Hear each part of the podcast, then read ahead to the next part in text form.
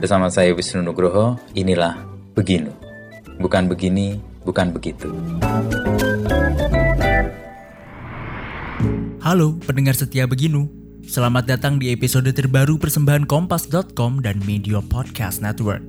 Sebelum mendengarkan sesi episode kali ini, jangan lupa follow dan beri rating terbaikmu untuk podcast Beginu di Spotify, serta nyalakan notifikasinya supaya kamu bisa terinfo setiap ada episode terbaru. Follow juga Instagram, TikTok, dan Twitter kami di @medio by KG Media. Di episode ini, kita akan menyelami kisah Fajar Nugros, sutradara film Indonesia dan karya anyarnya Sri Mulat Hil yang Mustahil. Bincang-bincang Wisnu Nugroho dengan Fajar Nugros mengisahkan perjalanan karya Fajar. Proses perkembangan Fajar Nugros dari panggung sandiwara, film pendek, hingga layar lebar. Fajar juga bercerita tentang kegagalannya sampai berguru ke Hanung Bramantio. Yuk langsung saja kita dengarkan lebih lanjut. Hari gini masih ketipu investasi bodong, masih susah atur keuangan, investasi, klaim asuransi, dan update isu finansial? Dengerin podcast cuan, cari untung bareng teman. Persembahan Media by KG Media dan Motion FM di Spotify.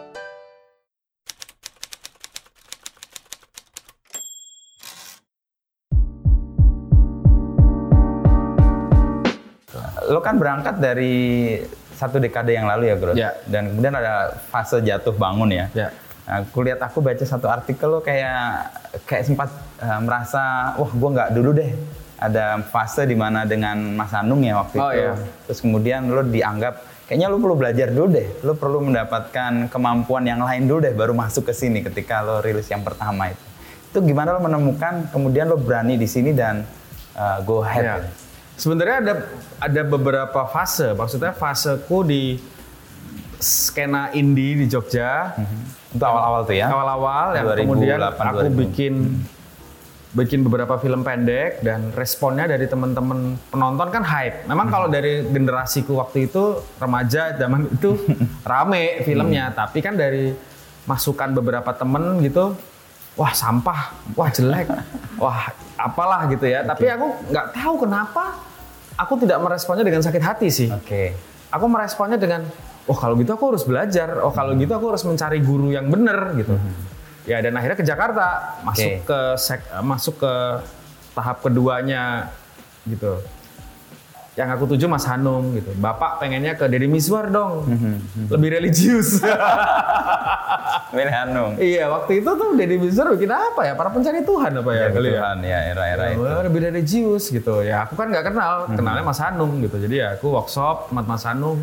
Kemudian fasilitas workshopnya adalah magang tempat dia, jadi aku manfaatin itu.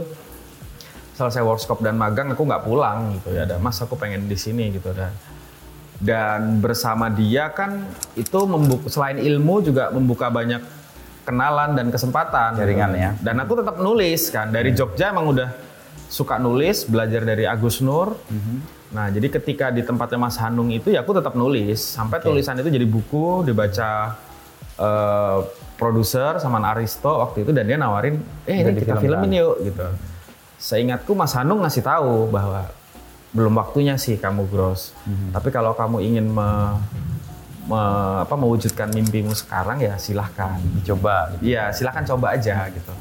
Ya udah akhirnya bikin film itu ya mungkin karena hijau banget ya nggak tahu gimana dan nama-nama besar semua kan di situ krunya gitu ya aku nggak bisa nggak sepercaya diri yang aku bayangkan gitu di di pasaran flop nggak jadi apa-apa juga gitu maksudnya nggak jadi apa-apa itu kalau flop tapi masih masuk FFI orang noleh itu kan masih oke lah Masih dihitung lah ya. masih ini Iya. nggak dinotis orang gitu ini nggak sama sekali gitu dan Ada pengalaman traumatis nggak dengan itu?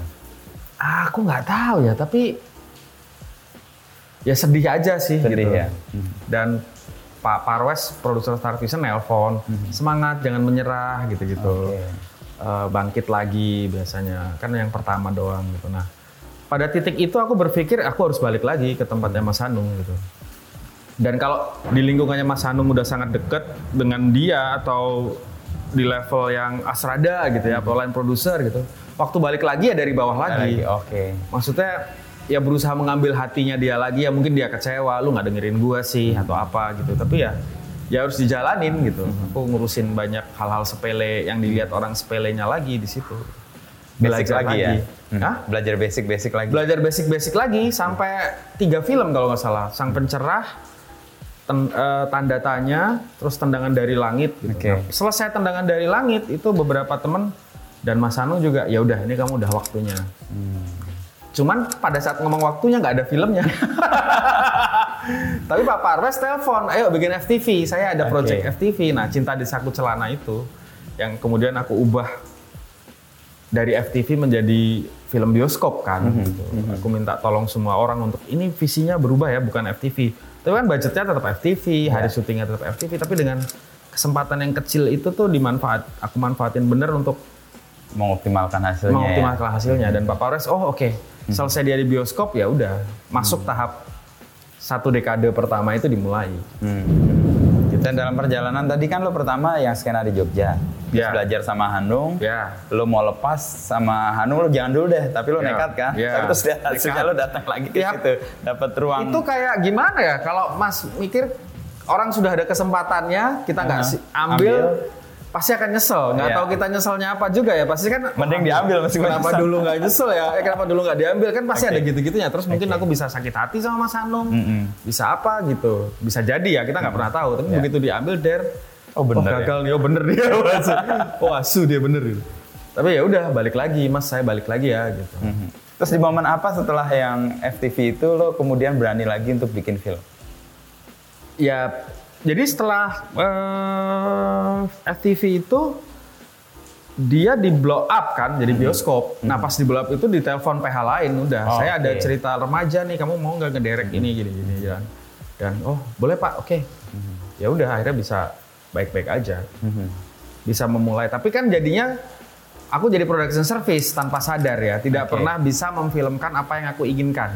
Jadi kayak tukang gitu ya? Iya, Nah. selalu disodorin ini ya, ini ya. Tapi cuman caraku adalah bagaimana setiap project yang disodorkan ke aku itu aku cari relate, relate, relate-nya dengan diriku. Mhm. Aku deket nggak ya sama ini? Gitu. Sama topik itu atau masalah deket nggak ya sama isunya? Kalau nggak deket, ya aku cari-cari nyambungnya lah. Karena kalau kalau nggak tahu kan susah juga.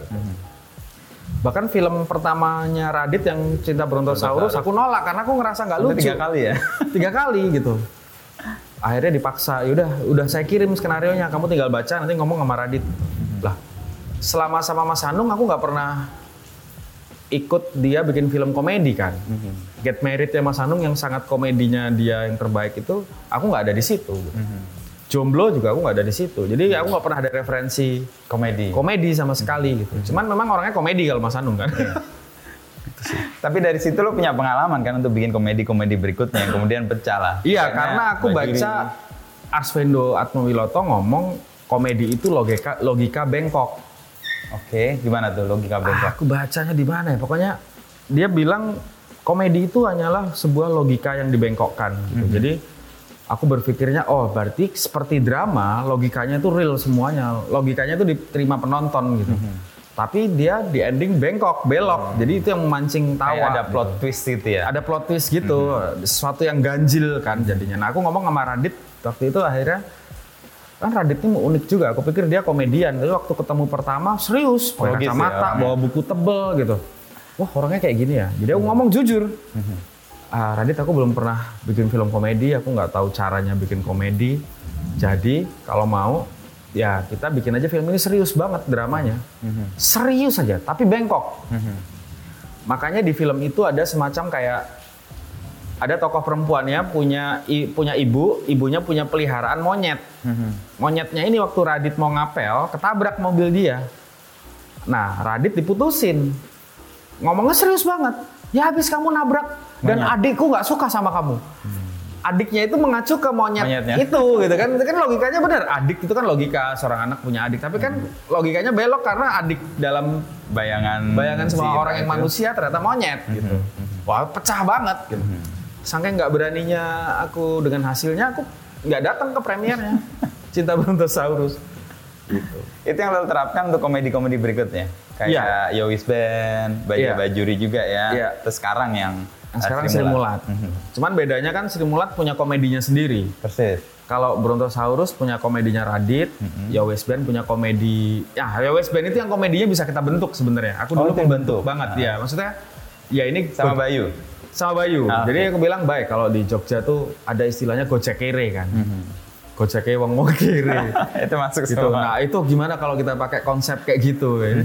tongkrongan atau angkringan. Oh ya mas, oke. Bayunya setuju. Karena Bayu juga bukan komedian kan, dia Bukan. youtuber gitu. Akhirnya ya West Band itu yang kita komedinya bentuk banget. Kalau Sri Mulat kan nggak bisa. Orang tahu komedinya Sri Mulat kayak apa gitu dan siapa karakternya yang memakai Masing-masing. komedi itu nggak bisa asal comot taro. Nah itu yang complicatednya kan di situ. Mhm. Dan itu lo bangun juga untuk bikin skenarinya, bikin Iya. naskahnya untuk yang dan Sri Mulat. paling susah Sri Mulat itu kan kita mempelajari 10 Masing-masing. karakter masing-masing Iya. dan kekhasan masing-masing dan hal yang tidak pernah diketahui publik Mhm. dan itu harus dijahit jadi satu Mhm. timeline beberapa hari kan dan berangkat dari di Solo Mhm. berangkat ke Jakarta dan bagaimana hidup di Jakarta beberapa hari itu kan sejarah bertahun-tahunnya Sri Mulat kita jadikan Diringkas. krek diringkes gitu dan kayak kamu harus menjelaskan logikanya ke publik tadi kayak misalnya kenapa Sri Mulat yang rombongan lawak Jawa Jawa Tengah gitu ya Surabaya po Jawa banget tapi hantunya Dracula hantunya dari Eropa. Iya, iya. Coba itu kan penonton harus dikasih logika terhadap kenapa Sri Mulat kenal Dracula ya. Kenapa nggak nenek lampir Iya. ya? Kalau kita nanya ke mereka kan ya pasti pasti kita membayangkan ada seseorang yang membaca referensi itu dong. Entah Pak Teguh, entah siapa, tapi kan kita nggak pernah tahu. Kita ngejelasin latar belakang satu itu aja bisa satu film sendiri gitu. Iya. Nah, film ini juga harus menjelaskan secara singkat logikanya kenapa mereka punya Dracula di situ. Kenapa mereka ke Jakarta? Kenapa mereka ke Jakarta kan nggak mungkin yuk kita ke Jakarta tanpa referensi tertentu. Dah. Iya. Film kan harus ada logiknya ke penonton Iya, itu iya, tadi iya. sebelum kita bengkokin kan. Dan aku ngeliat beberapa logik yang aku nggak tahu sebenarnya. Kemudian paham. Yang kenapa kok Tarsan pakai baju tentara. Ya. Lalu Tesi kenapa pakai akik-akik Ya, dan kalau dalam film kan itu dalam satu hari yang sama Iya. kan. Padahal itu kan pencarian kan panjang kan. pencarian, pencarian yang panjang gitu. Aha. Se Pak Tarsan dipanggil Tarsan juga sebenarnya tidak terjadi di Sri Mulat. Mhm. Dia pentas di grup yang lain dulu, memerankan karakter Tarsan, namanya Tarsan, populer di sana baru masuk Sri Mulat. Mhm. Tapi di filmnya kan kita nggak bisa menjelaskan Pak Tarsan dengan grup yang lain itu. Kita sedang tidak membicarakan grup itu. Nah, lo kan perjalanan ini bertumbuh nih, Gros. Apa yang lo membuat lo yakin untuk setiap perjalanan itu gua akan mencapai sesuatu atau ya lo jalan aja ya? Aku tuh dulu ini mas, baca bukunya Hermawan Kertajaya. Pokoknya manusia itu harus ada perubahan tiap lima tahun. Setiap lima tahun. Jadi mungkin Pak Harto bener dia bikin repel itu. Jadi selalu coba film Indiku dimulai tahun 2022 pertama. Oke. 22, 23, 24, 25, 26 ke Jakarta. Mhm. Ya kan 27 sama Mas Hanung sampai 27, 28, 29, 2010 bikin film pertama Mhm. yang gagal. Oke. Ya kan? Yang Queen Bee ya? Iya, dia 2009 itu. 2009. 7, 8, 9 baru tiga tahun aku Oke. udah bikin itu kan di tengah-tengah Iya. lima tahun itu baru emang belum mateng kalau tak pikir-pikir 9, 10, 11 baru aku bikin lagi si Cinta di Saku Celana 2012 nya lah ya Iya. baru masuk satu dekade demi istri production Itu lima tahun ketiga. iya lima tahun ketiga gitu. baru lima tahun keduanya udah mulai demi istrinya selalu bertumbuh walaupun 10 tahun masih demi istri ya maksudnya bertumbuh itu kita memulainya dari ngontrak satu petak ruangan di pinggir kuburan di Haji Naim Oh ya. Iya, terus sama Santi itu berdua. Kalau persiapan film maghrib bubar karena dekat kuburan. Terus kita pindah, pokoknya ada pindah tiga kantor lah sampai tapi berusaha naik terus ya.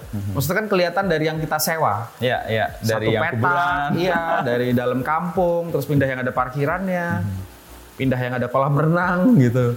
Baru tiba-tiba 10 pas 2019 kita mulai pembicaraan soal IDN Pictures gitu.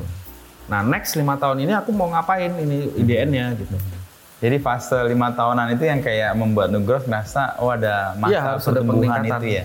Mhm. Dan ini kan dimulai pas pandemi banget ya. Lo melihat sesuatu yang diuntungkan atau dirugikan, lo start di sini untuk lima tahun ketiga kan Iya. di IDN ini. Eh, aku sama Santi sepakat ya, menurutku timingnya tepat karena semuanya lagi restart. Alam memaksa Kita semua untuk memulai dari Iya, nol memulai lagi. dari nol lagi. Jadi kita kayak bersama studio-studio film yang lain, PH-PH yang lain Yang udah tumbuh gede yang sudah pun. tumbuh. Mereka juga lagi diem nih, lagi berhenti gitu. Mungkin lagi juga lagi tidak bisa rilis film, tapi Iya. sudah punya beberapa film yang di uh, file- Siapkan ya. siapkan gitu karena pandemi belum rilis. Nah kita juga melakukan itu, makanya kita kemarin begitu baru dua tahun tapi udah bikin lima film gitu, Hmm. yang sudah kita siapin juga begitu dibuka kayak sekarang kita sudah punya satu-satu. satu-satu. Lain hal kalau begitu sudah dibuka kita baru memulai, pasti akan rilisnya kan setahun lagi, dua tahun Oke. lagi gitu, which is sudah tetap ketinggalan juga sama mereka. Gitu. Jadi dua tahun pandemi itu sebenarnya masa kayak inkubasi ya. Iya, masa lo kayak- belajar, berproduksi, lalu kemudian ketika dibuka lo udah punya kecakapan dan punya hasil kan. Untuk bisa dikeluarkan. Betul, jadi sama startnya sama eh, teman-teman studio yang lain. Jadi levelingnya ini sebenarnya lebih naik lagi ya. Kalau dilihat dari perjalanan lo sebelumnya ya. Iya, ah, iya. Kalau enggak mungkin aku Sampai karyawannya sekarang lupa jumlahnya berapa kan. Sayang banyaknya. udah banyak ya. Udah banyak ya. Ya aku tuh beruntung nggak ya karena tim IDN eh, kita nyebutnya Timi Timi. itu anak-anak muda, maksudnya energinya kan Iya. Wah. Meledak-ledak lah ya. meledak-ledak gitu, eh, panda kritis. Gitu-gitu ya, terus semangat gitu jadi kayak dan gaya hidupku kan juga jadi berubah gitu bahwa kita harus ke kantor pagi, start early morning gitu dan wah ngelihat mereka energinya jadi menarik gitu. Maksudnya two ways lah antara mereka ngasih masukan dan aku juga memberikan masukan. Perjalanan lo kan dulu kuliah bukan dari seni kan? Hukum. Lo hukum kan? Lalu menemukan ini sebagai lo yang lo yakini akan menghidupi itu sampai mana? Oh, bilo aja nggak ada hubungan sama ini. Tapi kereta sampai kayak gitu itu gimana? Apa, apa apa sangkut pautnya tiba-tiba kok ketemu film dan yang lo pilih sebagai jalan ya? Aku tuh nggak tahu ya, tapi kalau diurut-urut itu SD kelas 5 itu aku sudah bikin teater. SD kelas ini bikin teater. Iya, jadi tapi drama lah, bukan teater yang Oke. bener ya. Maksudnya drama-drama. Kita kayak naik kelas gitu, seingatku dari kelas 5 ke kelas 6.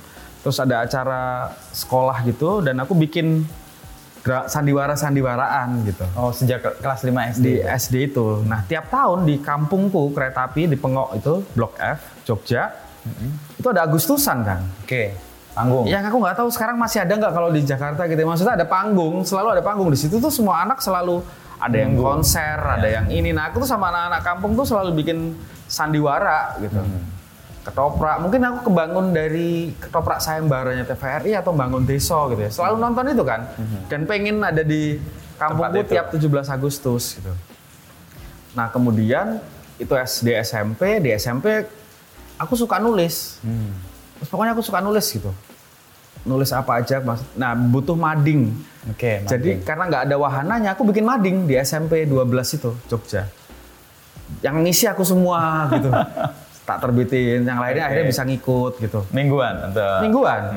Terus SMA. Nah, perpisahan SMP bikin Sandiwara. sandiwara radio lagi gitu. Anak-anak selalu ingat itu yang SMP. Pindah ke SMA. Udah ada koran kampus kan. Eh, majalah sekolah kan ada Majalah sekolah, Himah. ya. Eh, Himah tuh UI ya? Aku lupa lah majalah sekolahnya apa. Sama sekolahku MUHI dikirim ke bengkel bahasa Hmm. di Jogja yang ngajar Agus Nur. Agus Nur, oke. Aku ketemu di situ sama Mas Agus Agus Nur. ketemu di situ, jatuh cinta aku sama nulis.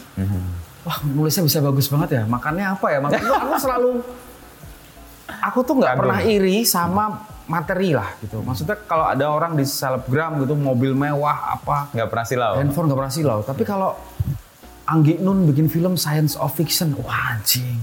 Ini orang makannya apa ya? Regas bikin film penyalin cahaya, anjing ini nemu cerita kayak gini tuh. Uh, Edi Cahyono bikin City gitu.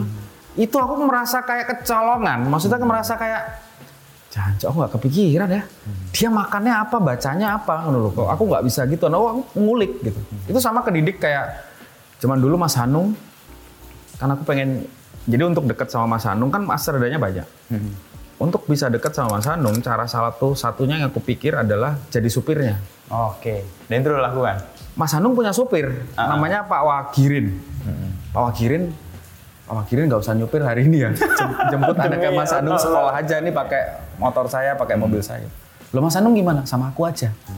Jadi, oh ya Mas Anung udah mau berangkat, set aku udah di mobilnya. Loh, Mak, Pak mana? Jemput anaknya Mas Anung, namanya Bumi gitu. Oh ya udah, ayo Kiras temenin. Di mobil nanya, Ngobrol. sambil Intens. nyetir. Iya, makanya aku apal Jakarta nganterin dia, meeting ke mana, meeting ke mana. Di mobil dia baca Tempo, baca kor, Kompas, koran gitu ya. Maksudnya pas dia meeting tak baca. Oh, oke. Oh, Tempo isinya gini. Dia masuk lagi, dia ngomongin yang ada Di di, koran majalah Tempo dan tadi. koran itu udah nyambung.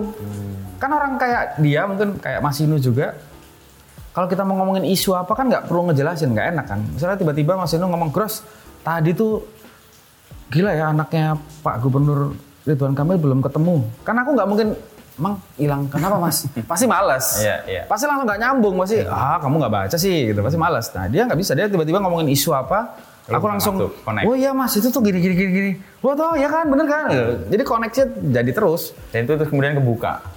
Ya kan Relasi. mau nggak mau, ah, ah, tiba-tiba tiba-tiba oke naik mobilku kemudian mobilku kotor dia ngomong dia ngambilin tuh dulu tiket-tiket tol yang berserakan gitu ya Hmm. tiket parkir dirapihin sama dia.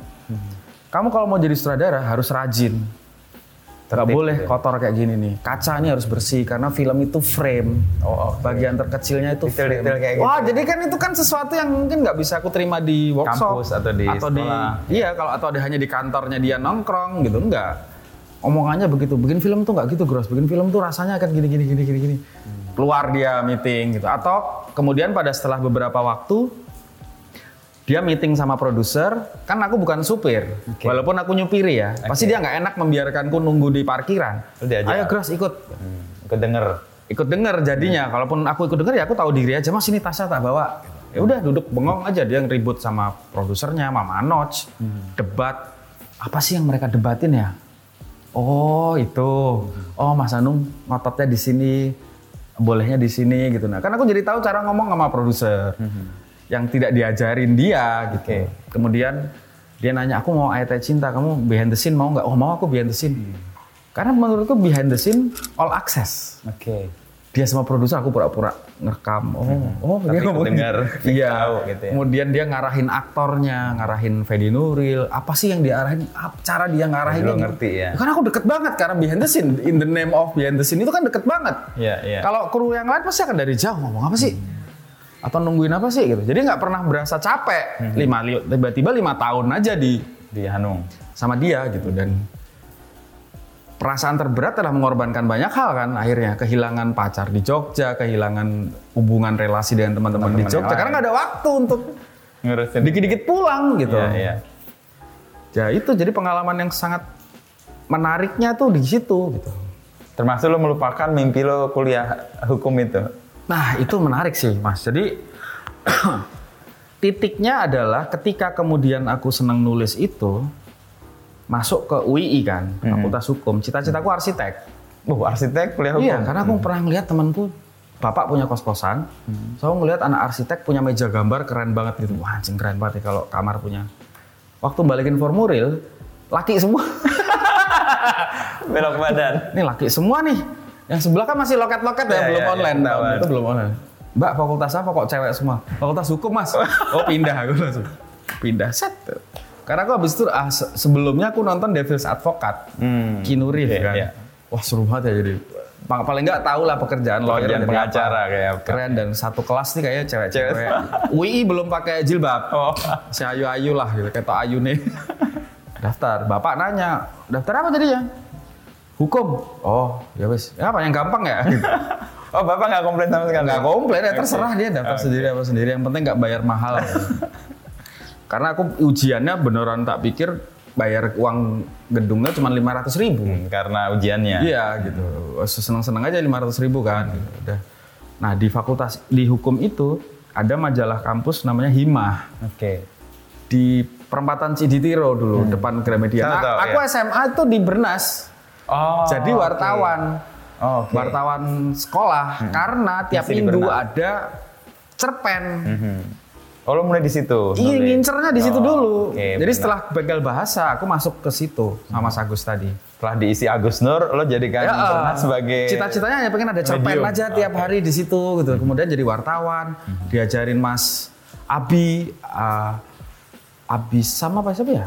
Ignatius Sawabi yang ngajarin jur- jurnalistik. Nah itu membangun kesadaran sosial lah gitu. Oke. Maksudnya dengan jurnal kan harus ke sana Ya, interview ketemu dan orang, ketemu lihat orang, realita. gitu. Ya. Seneng tiap malam minggu pasti nongkrong di Bernas. Sekarang seneng banget lihat Aduh dulu filmnya Ada. masih disusun-susun kan? Iya, iya. Wah gila disusun-susun. Untuk layoutingnya itu. Wah layoutingnya masih pakai lampu meja itu. Wah seru banget. Nongkrong di situ tiap malam. Hmm. Nah pas kuliah, aku masuk himah. Himah terbitnya tiga bulan sekali, kalau nggak enam bulan sekali. Terlalu lama Terlalu lama. Bikin koran aku. di kampus. Di kampus. Sekarang masih ada di UI korannya. Aku nyari berita, aku aku layout sendiri kayak di Bernas gitu. Terus tak print kecil ya di eh, letter, kemudian tak perbesar jadi A3. Oh gitu. Tempel di tiap fakultas. Kayak di Wah. dinding gitu ya. Iya di dinding doang. Itu udah puas banget kan. Nah suatu hari aku ketemu temanku namanya Darwin.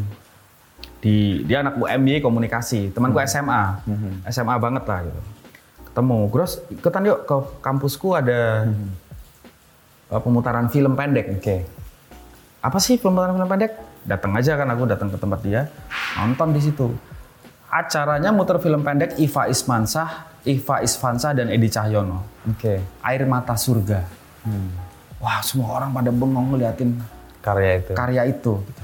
So, fuck. Ini cara bertutur yang berbeda nih, bikin orang tuh terhipnotis. Itu tuh seumur anak kuliahan lah ya, di dalam ruangan gelap di aula UMY Cokroaminoto Tercengang dan itu. tercengang dengan wah ya nggak ngerti ya tercengang mudeng apa orang tuh masih takut tuh terhipnotis lah. Iya, iya, Iva berhasil menghipnotis dan aku juga Win caranya bikin gimana? Hmm, kayak lo tadi ini mangan opo cah iya, ini caranya bikin gimana Iva silau sama ini karena ya gitu. kecakapan itu For ya. color itu udah for color. Ya udah main ke kampusku. Di kampus mereka ada Ciko Cinema Komunikasi sama Kine Club UMY. Aku nggak bisa ikut yang dua-duanya kan. Salah satu. Karena resmi mahasiswa nih. Oh, dua-duanya, satunya Visipol, satunya UMY gitu.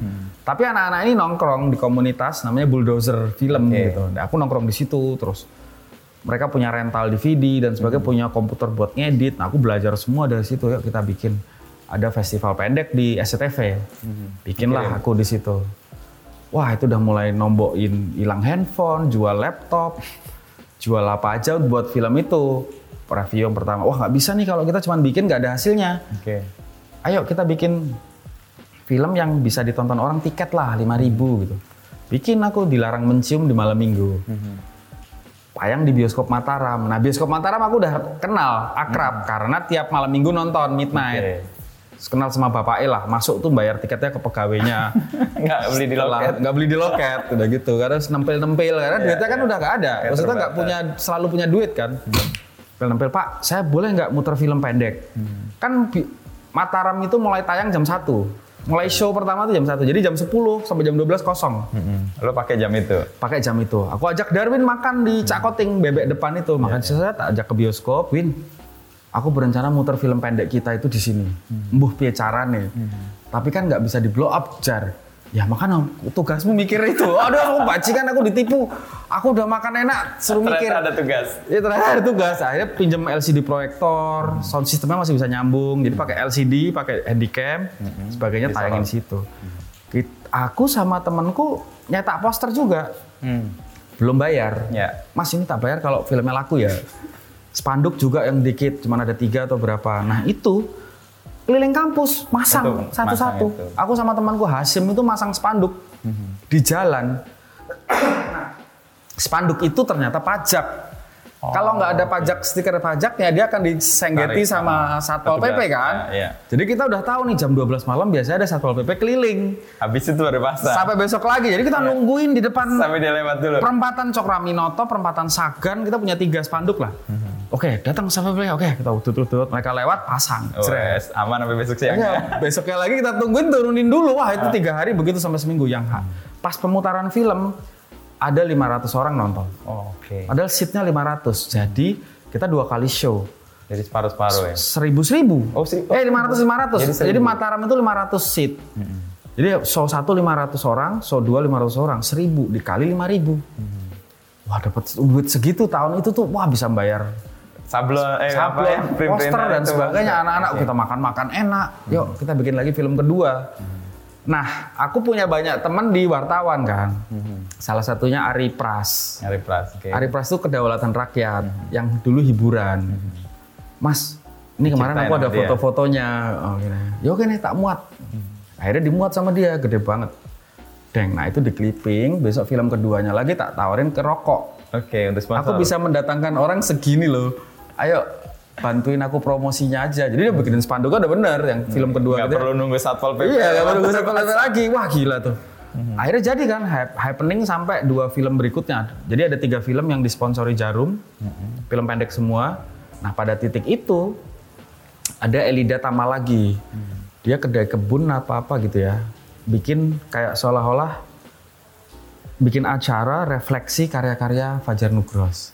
Aku merasa dihargai dong. Wah Iya. Bagus nih. Tapi di acara itu mereka muter filmku, kemudian diskusi kan. Sesuatu yang belum pernah aku alami. gitu. Oh ternyata ada diskusinya. Oke, nah diskusinya itu semuanya mencaci maki, nggak ada yang memuji. Wah film kamu tuh jelek, film kamu tuh sampah, film kamu tuh tidak bisa dikatakan film. Wah, nah itu perasaan pertama aku.